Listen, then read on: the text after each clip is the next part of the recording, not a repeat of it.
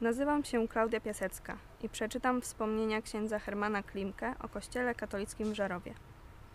Dzięki uprzejmości firm C. Kulmic GmbH i Silesia udało się wreszcie nabyć nowe miejsce pod budowę. Natychmiast zaczęła się zwózka cegieł. Nie nadchodziło jednak urzędnicze zezwolenie na budowę. Wierzono, że jest w drodze.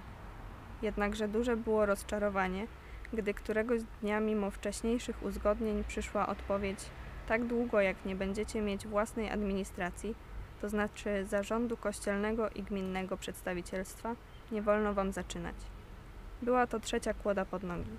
Pierwszą był brak pieniędzy, drugą kłopoty z bezpiecznym placem pod budowę, a teraz jeszcze potrzeba założenia własnej parafii. Do tej pory bowiem Żarów należał do parafii w Łażanach. Nie był więc sam w sobie zdolny do czynności prawnych.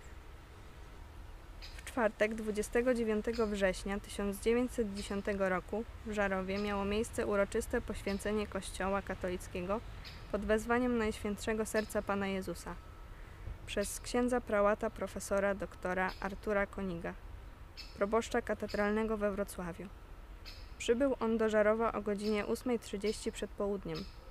Na stacji w Żerowie został przywitany przez miejscowych duszpasterzy i w ich towarzystwie udał się do domu parafialnego.